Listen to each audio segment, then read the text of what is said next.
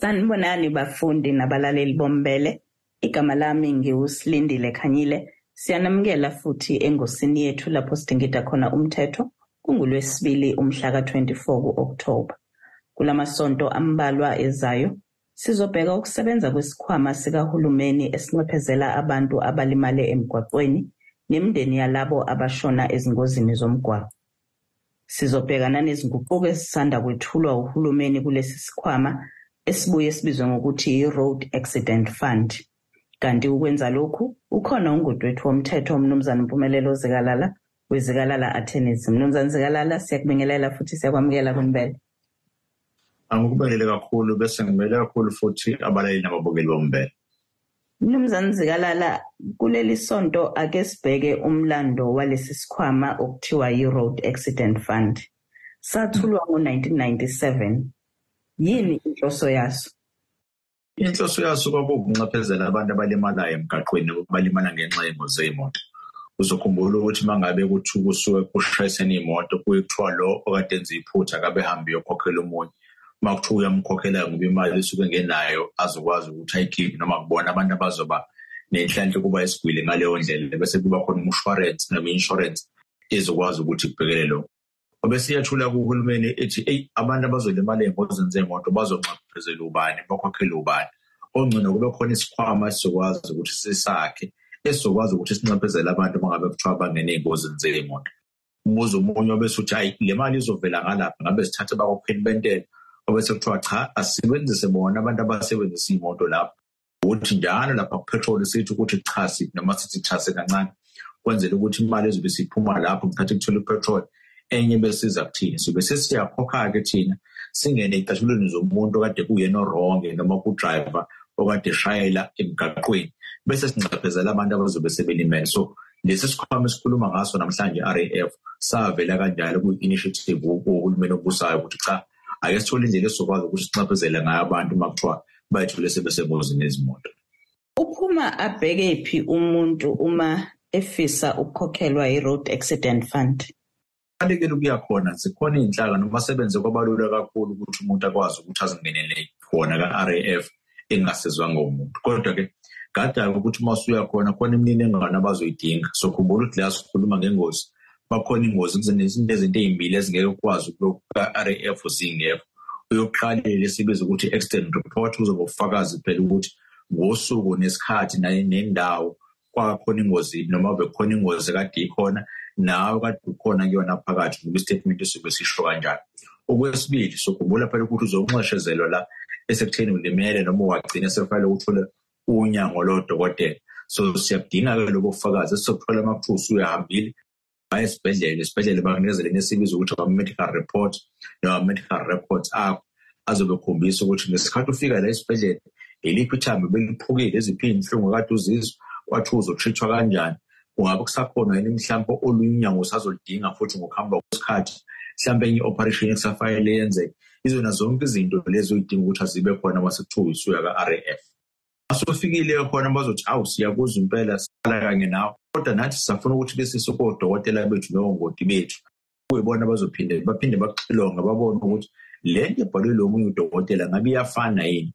Umuntu olimale ngale ndlela othi wena ubulimele ngayo kungabe kuyenzeka yini? Abe ney'nhlungu ney'ngozi lena lo noma mhlawumbe iy'bazi lezi ozothi wena unazo. Mase beverifayile konke lokho kungagcini lapho. Bakhona abantu abakwazi ukungena esikubiza ngama-actuary la bezothi khona awu kade umdlali webhola usulimele isandla usakwazi ukuthi ucompensation noma kwazi uqhubeke nebhola eyiphi indlela esokunxephezela ngayo ukuze uqhubeke phela uqhubekele phambili nempilo? Yizona-ke izinto othi uma sekuthiwa ingozi siyenzakalile noma usukuyona bese uyakwazi ukuthi ke-RAF RAF bese uyakwazi ukuthi akunikeze sinxephezelo kodwa bakhona-ke nabanye abaya nabameli abathi ayi mina ngifuna ukungena kuyona yonke le nto ngiyongilibele ngehla ngenyuka. Akube khona umuntu ozokwazi ukuthi angikhulumele.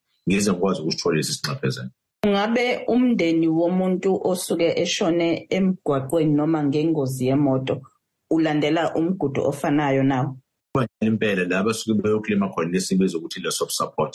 Kodwa mase beya khona bazothi hayi na-accident report na-death certificate ngesikhathi sesihambile saya esibhedlela kubonakalile ukuthi udlule esibhedlela ngenxa yengozi nathi-ke ama-expense noma mhlawumbe iy'ndleko esingene kuzona kuthiwa siyangcwaba nazi naba futhi nabantu abasasele mhlawumbe bekhumbe ney'ngane zisafunda le y'ngane zisadinga ukuthi ziye esikoleni. Njengoba kade sisebenza nje kade ezondla ezondle ngemali engakho ngicela uqhubeke wona r-a-f la igcine khona yena. Nizondla iy'ngane zize zikwazi ukuthi zibe yindala zifike eminyakeni o-eighteen noma zifike la khona ziyokwazi ukuthi ziyimele khona. Mlaleli ukukukhumbuza sixoxa nomnumzane umpumelelo zikalala wezikalala athenizi kanti sibheka udaba lwesikhwama esinxephezela abantu abalimala ezingozini zomgwaqo i-road accident fund. Mnumzane zikalala uma siqhubeka inqunywa kanjani imali umuntu akhokhelwa yona?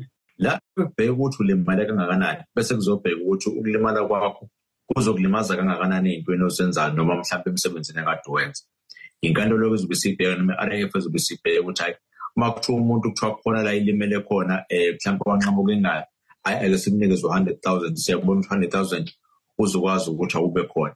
Ey'ndaweni la khona angakwazi ukuphuve ukuthi imali izodingakala bese kuthiwa unyango ozolidinga ngokuhamba kwesikhathi kungakanani ake sibheke kuyona.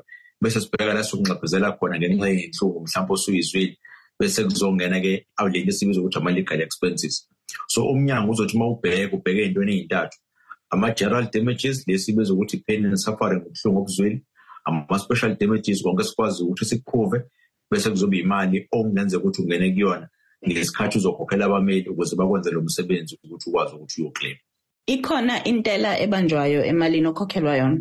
Hawu lutho. Ayikho into lebanjwayo le mali ithathwa njengemali ozoyithola kwi-insurance noma ngabe kuthiwa ikosuke uyithathile so kuma sigcebisane wakho intela ebanjwa kwi-life cover intela ebanjwa nakanjalo futhi imali esuke ivele kwa-r a f abayibambe intela khona imali ekhokhela ummeli yona inqunywa kanjani? Okay zimbili iy'ndlela ongakwazi ukwenza njalo kona. Ungathola yokuqala le babiza ukuthi phezu o la bezothi hayi ukungi-charge nje ngendlela ongangi-charge ngayo uma kuthiwa ngiyi-client lakho ejwayelekile so isho i-rate yakho noma inani okhokhela kulona ngehora ukuthi lingakanani. Noma yesibili neyona ejwayelekile esetshenziswa abantu abaningi kwesinye isinto lekuthiwa i-contingency fee agreement. La kuzothiwa khona uzothola khona uma kuwukuthi usikwazile ukuthi kube khona esikutholayo loko ozokuthola kuwu-twenty-five percent minus noma ngesiyisibala imali esibiza ukuthi ama-disbursement eyini leyo mali. Imali okuwukuthi ibeyikhokhwa ikhokhelwa khona kuzokwazi ukuthi kusizakale wena hhayi ummeli kodwa ihambile kwabanye abantu njengemali yodokotela imali yabantu esingabiza ukuthi ama-actuary imali yababo wonke amanye ama-professionals engenzeka ukuthi akhokheliwe so izothi uma isiphuma imali ekwaziyo ukuthi inqunywe i-r f bese kuthiwa minus u-twenty-five percent and also minus imali yama-disbursement so uma ngabe ama-disbursement abawu-ten thousand and imali onqunyelwe u-r f iwu-hundred thousand. Kuzothiwa ake sikhiphe u-ten thousand kwama-disbursement ifane ukuthi lo mali besiyiboleka bese sizokhipha-ke u-twenty-five percent wale mali esiwutholile kulo hundred thousand esiwutholile. Then-ke bese siyabona ukuthi ususala nani. Yonke enye sekweyakho kodwa ummeli usewuthathile u-twenty-five percent wakhe nama-disbursement nomzanzikalala njenganjalo siyabonga kakhulu ngesikhathi sakho. Ubonga mina kakhulu nibe nosuku oluhle. Lowo bekungumnumzane umpumelelo zikalala wezikalala attorneys siyabonga.